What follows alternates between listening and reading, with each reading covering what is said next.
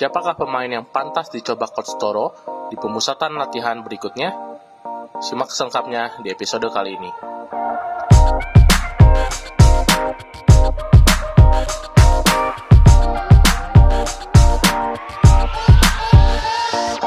Selamat pagi, selamat siang, selamat sore, dan selamat malam teman-teman Abbas Talk. Uh, kita masih uh, di bagian comeback season Abbas Talk. Sudah memasuki episode ke-9 harusnya ya. Ya ke segituan lah soalnya kita nih sebenarnya episode ini harusnya setelah episode yang kemarin kita tag cuma kita ini gara-gara urgent dan takutnya basi kontennya jadi kita naikin lebih dulu Chan. Hari ini sebenarnya uh, sebenarnya banyak sih uh, di satu minggu terakhir nih ada topik-topik yang hangat bisa kita bahas cuman menurut gue ini yang paling uh, apa hot, ya paling hot. hangat paling ini ya paling penting buat dibahas karena berhubungan dengan tim nasional Indonesia. Barusan juga sebenarnya udah ada uh, podcast pemain cadangan yang udah naikin juga tentang informasi ya. uh, pemilihan pemain timnas ini lah ya. Sudah dengan beberapa informasi nantinya mereka dipersiapkan buat apa. Terus uh, dengan manajer baru juga udah ada di sana. Cuman ya kita juga pastinya pengen bahas beberapa hal penting nih yang sebenarnya uh, tidak boleh ditinggalkan juga dan perlu dipertimbangkan juga ya sebenarnya ya buat ya, ya. coach. Toro untuk uh, melihat beberapa pemain ya sebenarnya ya. Tapi tapi terlepas dari itu mungkin lo ada uh, sedikit inilah sedikit thoughts mungkin sedikit masukan-masukan ya. yang lo lihat dari pemilihan timnas ini, pemilihan ya. pemain timnas ini. Ya, tentunya uh, setiap pemanggilan atau uh, pemilihan pemain ya, khususnya tim nasional pastinya ada pro kontra ya Chen ya. Mau si A lah atau si B lah yang masuk, kenapa yang kenapa si C masih tetap dipertahanin gitu. Itu pasti ada lah dan itu menurut gue sangat wajar ya karena ini kan namanya tim nasional, uh, semua orang juga ingin mendapatkan hasil yang terbaik lah gitu dari tim nasional. Apalagi uh, kita lihat kan Coach Toro kan udah cukup lama juga di timnas gitu hampir dua tahun ya dua tahun lebih lah Coach Toro di timnas dan. Iya. uh, netizen terutama ya kita juga sebenarnya pengen uh, melihat ada progres dari timnas dan sebenarnya sejujurnya timnas ini emang udah banyak progresnya menurut gua ya uh, nanti kita yeah. itu bahas di episode lain lah kan kita bahasnya tentang yeah. pemilihan pemain gitu kan nah kalau gue pribadi gue sebenarnya ngelihat list kemarin uh, sebenarnya dalam dalam pikiran gue ya udah cukup puas ya karena uh, ini adalah pilihan teraman. Aduh, ini uh, ini lagi notifikasi Tokopedia cen gue. Nggak, oh ya kembali ke topik ya ini tadi yeah. notif. Ya, uh, gue ngeliat yeah. sih rosternya gue sudah cukup puas karena itu udah pilihan paling aman uh, Coach Toro ya karena uh, kualifikasi sebentar lagi sekitar seminggu setengah lagi lah ya, ya seminggu setengah lagi ya. Bahkan kurang dari seminggu setengah gitu uh, kualifikasi akan dimulai. Yaitu pilihan-pilihan yang menurut gue cukup cukup aman ya. Karena kalau gue hmm. nggak salah hanya Govinda aja yang nggak dipanggil lagi gitu. Selebihnya hmm. masih dipanggil lagi. Dan dengan ditambah beberapa pemain baru seperti Indra Muhammad, Yuda Saputra, terus ada Neo, terus yeah. ada Kelvin, ada Ikram juga gitu, Agassi, yes. Aldi, Bagir gitu kan. Ini kan nama-nama sebenarnya udah pernah juga bareng sama Coach Toro walaupun di berbeda level ya gitu. Betul. Ya jadinya ini pilihan paling aman Coach Toro sih menurut gua karena ya waktu mepet gitu mau gimana lagi gitu kalau misalnya kita mau, mau masukin semua pemain pun nggak mungkin gitu kan ini kan namanya TC kan ini mesti diseleksi yeah. gitu belum tentu juga uh, nama-nama kayak Yuda, Putu, eh, Sesi Neo gitu bakal masuk belum tentu juga gitu. Itu sih paling itu thoughts dari gua sih. Ini mungkin abis ini kita bakal bahas Betul. beberapa pemain yang uh, mungkin kalau misalnya ada TC panjang, ini kan musim uh, tahun yeah. ini kan sangat sangat padat nih jadwalnya gitu. Mungkin nanti ada TC panjang, mungkin beberapa pemain yang kita nanti masukin yang kita bahas mungkin bisa dicoba oleh Postoro sih. Kalau Iya iya iya. Oke, tapi menurut kalau menurut uh, dari ini ya, dari thoughts dari uh, perbincangan-perbincangan sama manajer uh, timnas yang baru sih tadi sempat bilang uh, kalau memang ini dipersiapkan memang target dia sih finish 8 besar FIBA Asia sebenarnya targetnya ya. Tapi memang ngelihat ngelihat ngelihat apa ya? Ngelihat jangka waktu yang sangat singkat nih kalau pacaran kayak PDKT juga bukan di PDKT sih sebetulnya. Kayak apa ya udah kayak hampir taruh sebenarnya nih kalau pacaran kalau atau kalau nikah. Cuman ya kalau gue melihat sih memang uh, wajar lah Coach Toro memilih pemain-pemain yang sudah pernah mengikuti uh, latihan dia mengikuti sistem kepelatihannya Coach Toro. Jadinya lebih gampang untuk melakukan adjustment sedikit-sedikit. Jadi pastinya nggak nggak perubahan pasti ada cuman mungkin pasti sedikit-sedikit perubahan tapi dia pasti ngelakuin uh, sistem-sistem yang sama uh, seperti beberapa pertandingan yang sebelumnya gitu. Dan ya menurut gue sih wajar aja. Dan gue sebenarnya gue nggak nggak heran sih dengan pemilihan kemarin gitu dengan pemilihan pemain yang baru ini. Maksudnya nggak nggak kaget gitu. Karena ya bentar lagi apalagi melihat juga IBL juga lagi sedang berjalan walaupun lagi covid ya. Cuman ya ini ini tuh berbarengan gitu. Jadinya agak agak agak pastinya jadi pemilihan sulit juga buat klub buat pemain. Apalagi buat timnasnya untuk milih pemain siapa yang bakal dibawa gitu kan di di timnas nanti. Ya, tapi Chan, ya Chan. di di kualifikasi nanti. Chan by the way tapi kalau misalnya oh. ngomongin ngomongin bentrok sama jadwal IBL ya. Kalau kita lihat jadwal IBL kan sebenarnya kalau misalnya ini tidak ditunda gitu uh, di seri hmm. Bandung sama seri Jogja sebenarnya kan tetap tetap ada spare kosong buat timnas gitu waktu timnas sudah diatur sedemikian rupa oleh Pak Junas itu agar dia. di pekan terakhir dari bu bulan Februari itu emang buat timnas gitu makanya kalau menurut gua yeah. walaupun ini gua belum riset sih ya belum riset apakah ada ketentuan uh, timnas mengambil beberapa pemain dari satu klub uh, berapanya itu berapa jumlahnya gitu gua belum baca yeah. tapi menurut gua uh, dengan jadwal yang udah di set IBL seharusnya bisa sih satu tim nyumbangin beberapa pemain gitu. Ini kan paling banyak dari Satria ya. Muda nih. Dari Satria Muda paling banyak nih. Yes. Ya kan? Harusnya sih bisa dan dan menurut gua sangat sangat sangat apa ya? Sangat masuk akal lah gitu soalnya kalau kita lihat seri Jogja kan dari tanggal 10 sampai tanggal 15 ya. Kalau misalnya tidak ditunda gitu. Berarti kan masih ada waktu sekitar satu minggu lebih untuk mereka uh, kumpul TC gitu. Walaupun ya emang secara fisik bisa dibilang capek juga sih buat para pemain yang dipanggil uh, timnas gitu. Tapi ya itu namanya resiko sih. Udah pekerjaan mereka juga gitu. Iya, iya, itulah, itulah. Cuman ya, oke okay lah kita uh, maksudnya punya pendapat masing-masing lah, opini masing-masing dan teman-teman Abastok juga pasti punya ada opini masing-masing.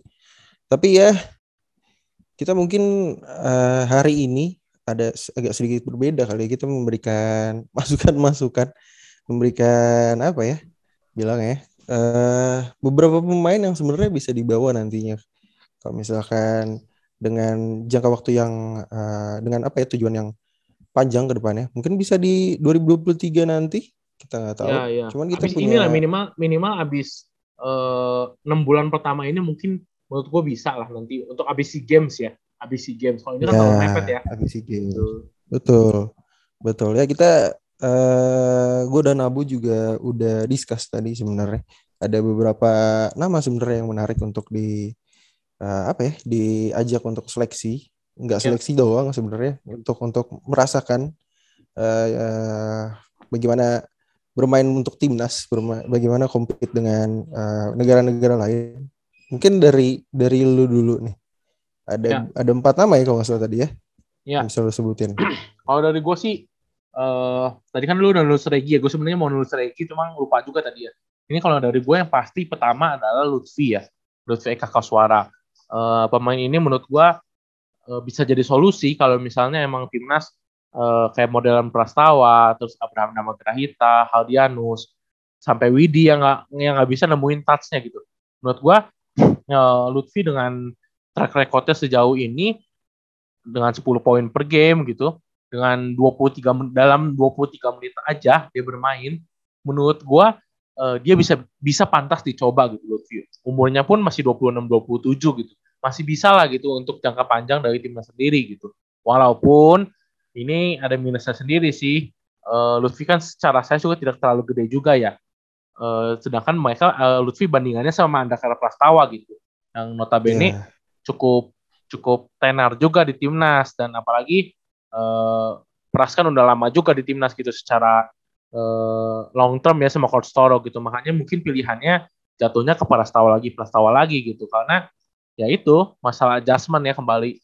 Karena sangat mepet gitu. Dan untuk nextnya mungkin ya Lutfi bisa dicoba sih gitu dan dan perlu diingat juga ya Lutfi juga salah satu uh, pemain yang menurut gua uh, walaupun defense-nya tidak terlalu oke okay, tapi tapi menurut gua uh, dia tidak mengurangi apa ya kapasitas tim lah kalau misalnya kita lagi diserang gitu walaupun walaupun uh, di Bali pun agak silent ya dia maksudnya dia kelihatannya hanya offense aja gitu pas defense kan dia tidak terlalu kelihatan gitu.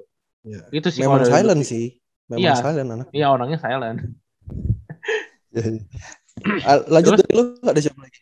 Ya terus dua nama uh, dari West Bandit yang pastinya banyak juga banyak yang pengen juga tapi satu lagi mungkin ini banyak yang ngomongin juga sih kalau gue pengen lihat uh, Rio DC sama Patrick Nicholas sih dicoba ya untuk uh, hmm. masuk ke TC lah minimal karena kalau yeah. kita ngelihat timnas selain masalah uh, tinggi badan uh, menurut gue Patrick ini bisa mengatasi solusi reboundnya timnas ya walaupun uh, dia size-nya tidak terlalu tinggi untuk ukuran center dan pemain forward. Tapi menurut gue timing dia sangat tepat sih untuk rebound ya uh, yeah, yeah, gue lihat beberapa tahun terakhir gitu.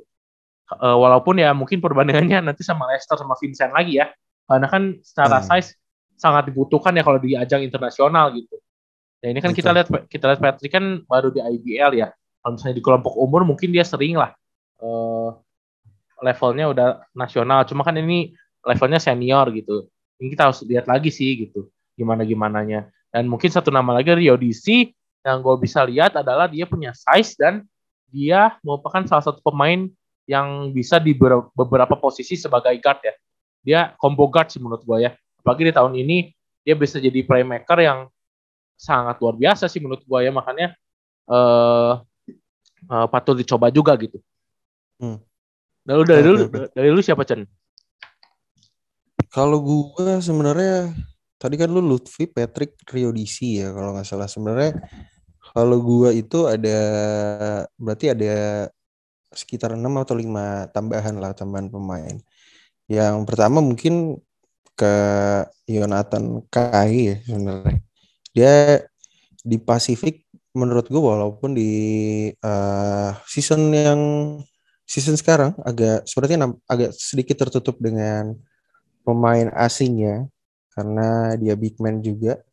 Tapi menurut gue uh, dia patut dicoba untuk menambah uh, daya rebound di menambah big man yang yang punya size lah cukup size untuk untuk timnas uh, bisa membantu uh, inilah ya membantu salah satu ribuan yang menurut gue Yonatan dan uh, Patrick memiliki tipe main yang agak-agak sama dan dan ya mereka juga cukup bagus gitu maksud gue secara statistik, statistik uh, Patrick dan Rio DC juga eh Rio DC sorry dan Yonatan juga uh, average-nya juga 6, 6 poin sama-sama 6 poin terus reboundnya juga 5,4 rebound walaupun Yonatan 4,2 rebound tapi mereka ya menurut gue layak untuk uh, dicoba lah untuk next ya. Ya Dan ya, ya. selanjutnya mungkin gue akan akan bergeser ke salah satu pemain hang tua yang juga di kolom komentar kayaknya banyak banget diomongin sama orang-orang ya. Hmm. Yaitu Visaiful Amir banyak banget mending if ganti ini, if ganti ini, if ganti itu. Cuman ya sekali lagi uh, disclaimer dulu mungkin teman-teman udah dengar tadi ya harus sesuai dengan ini ya apa uh, salah satu sistemnya coach Toro dan juga jangka waktu yang pendek juga. Tapi ya if juga menurut gue patut untuk dicoba sih sebenarnya dengan yeah. perolehan 14,8 poin selama kompetisi uh, di season ini dengan 8,6 rebound satu assist bermain 29 menit. Uh, menurut gue cukup cukup patut untuk dicoba. Impresif sih memang impresif. Dan gue gue gue nggak tahu ya gue gue bener apa salah cuman dia salah satu pemain lokal yang dengan poin dengan perolehan poin tertinggi di Hang Tua uh, seharusnya dia bisa bisa menjadi pelapis lah pelapis di timnas iya iya tapi mungkin untuk nantinya Iya, tapi Kita- ini gue kembali lagi singgung ya. Mungkin kalau kita lihat posisinya Fisha Full Amin kan sebenarnya posisi 2-3 ya, Chen ya. Itu dia. Nah, kalau Ya. kita lihat posisi 2-3 di timnas sekarang yang udah langganan timnas, menurut gue saingannya agak cukup berat ya. Walaupun kita ngelihat if bagus di Betul. IBL gitu, saingannya sangat berat Chen. Ada Abraham, terus di situ ada Agassi ya, jangan lupain Agassi ya. Terus ada Arigi, ada Arigi yang menurut gue eh, udah dapat kepercayaan nih di PJ gitu kan. Sekarang Itu di timnas pasti dia juga mau nggak mau Kostoro eh, pasti eh, coba dialah Arigi gitu. Soalnya emang secara eh, tim dia udah pernah main juga sama Kostoro, terus eh, di liga juga bagus gitu. Nah ini saingan If yang menurut gue sangat berat ya. Kalau misalnya kita ngelihat eh, perbandingannya apple to apple ya Chen ya, Hmm. gitu sih. Ya dan dan eh, di posisi tiga juga ada Sandi Ibrahim kalau nggak salah. Ada Govin juga bisa sebenarnya walaupun dia nggak dipanggil ya sebenarnya cuman ya banyak sih memang banyak eh apa ya banyak saingan sih sebenarnya If ya. Cuman ya kita nggak tahu nanti kalau misalkan dia dipanggil dicoba Eh, kita nggak tahu lihat nanti lah ya. Cuman ya mungkin gue bergeser lagi ke salah satu tim yang eh apa ya dibilang cukup menakutkan ya. Cukup menakutkan dan cukup punya pemain lokal yang sangat berkualitas menurut gua yaitu Dewa United Surabaya. Dia punya eh, Caleb dan Kevin Moses yang menurut gua layak untuk dicoba untuk timnas. Apalagi Caleb yang udah pernah eh apa namanya ya udah pernah merasakan bersama coach Toro ya sebenarnya ya. Ya lama dia. Kaleb salah satu Iya, yang lama, lama. juga. walaupun setelah itu dia cedera tapi di season ini gue menurut menurut gue sih eh, impresif deh sih dia di, dengan dengan perolehan poinnya 18,4 poin average dan 4,2 rebound menurut gue eh, cukup membahayakan ya mereka punya perolehan poin yang tinggi selain tadi Caleb dengan 18,4 poin terus Kevin Moses 13,4 poin menurut gue eh harusnya juga bisa jadi pelapis lah di timnas nantinya dan patut untuk dicoba oleh coach Toro apakah masuk dengan sistemnya kita nggak tahu kalau menurut lu gimana Ya, kalau gue lihat eh terutama Kaleb ya. Kaleb ini kalau misalnya kemarin cederanya nggak nggak terlalu lama mungkin masih dipanggil ya. Tapi kalau kita ngelihat Kaleb sekarang dengan kondisi eh yang udah cederaan gitu, eh walaupun dia tampil bagus, cuma agak riskan juga ya kalau coach Toro mungkin dalam waktu dekat ini mereka di- mereka bakal manggil Kaleb lagi gitu karena secara cedera kan baru sembuh juga gitu.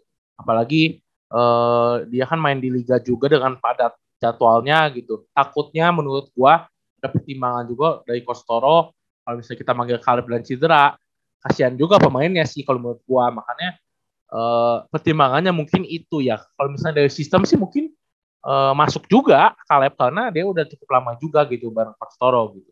Dan untuk eh, Kevin Moses ya kembali lagi ya. Ini gue bukan yang ngulang-ngulang, cuma ini sih poin yang sangat krusial sih menurut gue ya. Poin posisi guard di timnas itu udah sangat padat lah kalau menurut gue. Udah sangat padat dan sangat eh berat lah saingannya gitu. Kalau mereka masih dengan formnya ya seperti Abraham atau Prastawa masih formnya masih bagus, menurut gue sangat berat ya menyingkirkan mereka gitu. Makanya ini model-modelan eh, Kevin Moses nanti next kita bakal bahas Regi gitu. Eh, mereka punya potensi gitu secara permainan dan secara statistik gitu. Tapi kita Ya. perlu ingat juga gitu kalau misalnya mereka tuh punya saingan yang gak main-main juga gitu Chan. Makanya ini juga harus Ya. eh, menjadi pertimbangan juga ya buat para netizen yang mungkin banyak komen kenapa ini nggak masuk? Kenapa ini itu nggak masuk? Lu lihat dulu dong bandi- eh, bandingannya siapa gitu. Apalagi bandingannya dengan jadwal yang sangat pendek gitu. Nah itu kan Hmm, sebuah jawaban yang sebenarnya udah kita bisa dapetin gitu. Ngapain lu Iya. batin lagi gitu? Nah itu Iya. harus jadi harus jadi pertimbangan gitu. Nah ini mungkin Iya. next eh, dua pemain yang udah gue singgung juga eh, Regi Regi Mononibal. Sama terakhir mungkin Fernando Manansang. Ini mungkin opsi yang eh, boleh dibilang masih terlalu muda cuma secara size dia menurut gue bisa untuk compete ya. Iya. karena karena dia emang eh, basicnya kan pemain bawah gitu pemain forward. Dan kebanyakan pemain forward kita menurut gua udah agak harus coba pemain lain gitu. Ini ini mungkin banyak netizen juga di kolom komentar yang ngomong kenapa Kevin Yonas masih dipanggil, kenapa Kevin Yonas masih hmm. dipanggil hmm. karena banyak juga sih uh, pemain empat yang menurut gue masih bisa jadi opsi gitu karena Kevin Yonas secara menit bermain pun di SM kan tidak banyak juga Chan gitu mungkin yeah. ya emang netizen melihat itu juga sih dan emang ada penurunan performa dari Kevin Yonas kalau gue lihat dari seri pertama kemarin ya seri pertama kemarin emang ada penurunan performa makanya mungkin uh, netizen merasa ya ada yang lebih pantas lah gitu di timnas gitu dan menurut gue Fernando yeah. ini uh, salah satu uh, forward yang bisa dicoba lah oleh Coach Toro di next uh, apa ya di next year atau misalnya di tahun ini di akhir, akhir tahun gitu boleh dicoba lah Fernando. Karena Fernando ini kan selain dia punya size karena dia bisa jadi guard juga Chan bisa nembak juga gitu. Jadinya itu dia. ya jadinya dia bisa jadi salah satu opsi lah gitu Fernando. Apalagi apalagi kalau kita lihat squadnya PJ dia kan bisa bersaing dengan nama-nama nama-nama tenar gitu. Berarti itu kan menjadi, udah menjadi satu prototipe lah. Kalau misalnya ini anak emang udah bisa lah gitu saingan sama pemain yang lebih uh, besar dari dia gitu. Nah untuk Regi, untuk Regi Mononimbar ini menurut gua uh, waktunya akan ada nanti saat Arki Wisnu Arki Wisnu mulai ada penurunan kalau menurut gua. Karena tipe iya, mainnya tipe mainnya sama-sama Arki sama gitu dan yeah. Arki dan Arki pun belum tergantikan kan di timnas gitu. Menurut gua Regi layak masuk timnas tapi menurut gua lihat lihat posisinya Arki nih. Kalau Arki masih masih oke, okay, masih masih masih bisa compete menurut gua menurut gua Regi masih harus nunggu dulu sih, harus ngantri gitu. Karena posisi dia uh, menurut gua dia nggak bisa di posisi satu atau dua ya satu atau dua mungkin masih bisa dipegang sama pemain lain gitu. Posisi dia tuh menurut gua tiga banget sih. Makanya kita lihatlah Arki gimana. Kalau misalnya Arki emang agak penurunan, nah lagi bisa dicoba menurut gue. Lu gimana? Betul, betul, betul, betul. Tapi ya uh, sebenarnya memang uh, eh, gue mungkin agak bahas Fernando ya. Dia dengan umur yang masih muda, dengan tinggi yang cukup fine, dia menurut gue akan membahayakan dengan kalau misalkan dia punya uh, keinginan untuk uh, menambah mengasah lagi uh, tembakan dia dan mengasah lagi dribblenya dia supaya nantinya dia bisa bisa jadi pilihan di shooting guard mungkin ya. Dan ya kita lihat nanti sih sebenarnya masih panjang juga. Dia masih punya kesempatan banyak untuk uh, untuk uh, mencoba timnas nantinya. Dan pasti pasti sih gue yakin Coach akan mempertimbangkan itu dan dia pastinya nanti juga bakal dapat satu kesempatan untuk seleksi juga sih. Gak mungkin enggak sih kayak buat buat orang pemain seperti Fernando kayaknya ya. Gitu sih kalau gue dari uh, dua orang itu dua pemain Pelita Jaya itu ya gue sama sih untuk Reggie sebenarnya opini gue dengan lo masih uh, apalagi dia dengan saya seperti itu dengan kemampuan seperti itu menurut gue memang uh, apa ya dia harus menunggu Arki sih setuju gue setuju setuju setuju. Gitu sih. Nah, mungkin mungkin satu nama yang sebenarnya bisa dipertimbangkan cuma dari segi statistik sama dari segi permainan harus dikembangin ya. Ini satu pemain yang mungkin bisa jadi solusi uh, permasalahan Kevin Yonas itu harus ya karena Kevin Yonas kan emang kurang dipakai juga sebenarnya di timnas gitu. Mungkin Pandu Wiguna ya menurut gue ya. Pandu salah satu pemain yang mungkin secara defense oke okay lah dia cuma secara offense sih masih belum gue lihat nih karena dia emang modelannya uh, tipe-tipe yang apa ya pen area banget lah kalau masalah perimeter shot, three point shot nih Pandu emang masih harus diasah nih Chen. Cuma ya, ya, ya. ya cuma kita lihat lah nanti berapa berapa uh, bulan ke depan atau misalnya beberapa seri ke depan di IBL apakah si Pandu ini masih bisa compete uh, dari segi uh, skill ya, skill set gitu hmm. dari Kevin Yonas ini. Kalau Kevin kan, kalau Kevin Yonas tuh bisa nembak Chen, itu keuntungannya Kevin tuh menurut gue ya. Dan nembaknya yeah. oke okay, gitu di di top of the key tuh oke okay gitu Kevin tuh. Makanya menurut gue pertimbangan coaching staff terus masukin Kevin adalah ya itu gitu. Kevin tuh bisa nembak gitu walaupun dari paint area kan dia sangat sangat menurut gue sangat ada penurunan performa yang sangat jauh ya gitu. Yeah. Kevin Yonas. Itu sih mungkin Itu aja mungkin mungkin dari ya. teman-teman Abah semua ada nama-nama yang bisa menurut kalian selain nama-nama yang kita sebutin mungkin ada nama-nama yang lebih pantas bisa tuh tulis di kolom komentar kita atau DM kita langsung bisa tuh kita diskusi gitu. Yes, itu sih. Thank you sih buat eh, semuanya yang udah dengerin. Cuman ya, oh by the way, ini ya kita kongres juga buat Bung Jeremy terpilih sebagai Oh, iya. manajer ganti. Dan hari ini ternyata Coach Toro ulang tahun bu di Iya. hari Kamis. Happy birthday juga. Semoga dia dengerin ya. Ngerti juga sih kelihatannya kalau dengerin. Apa? Ngerti banget tuh kalau dengerin. Iya. Pakai bahasa Indonesia lagi kan. Cakep tuh.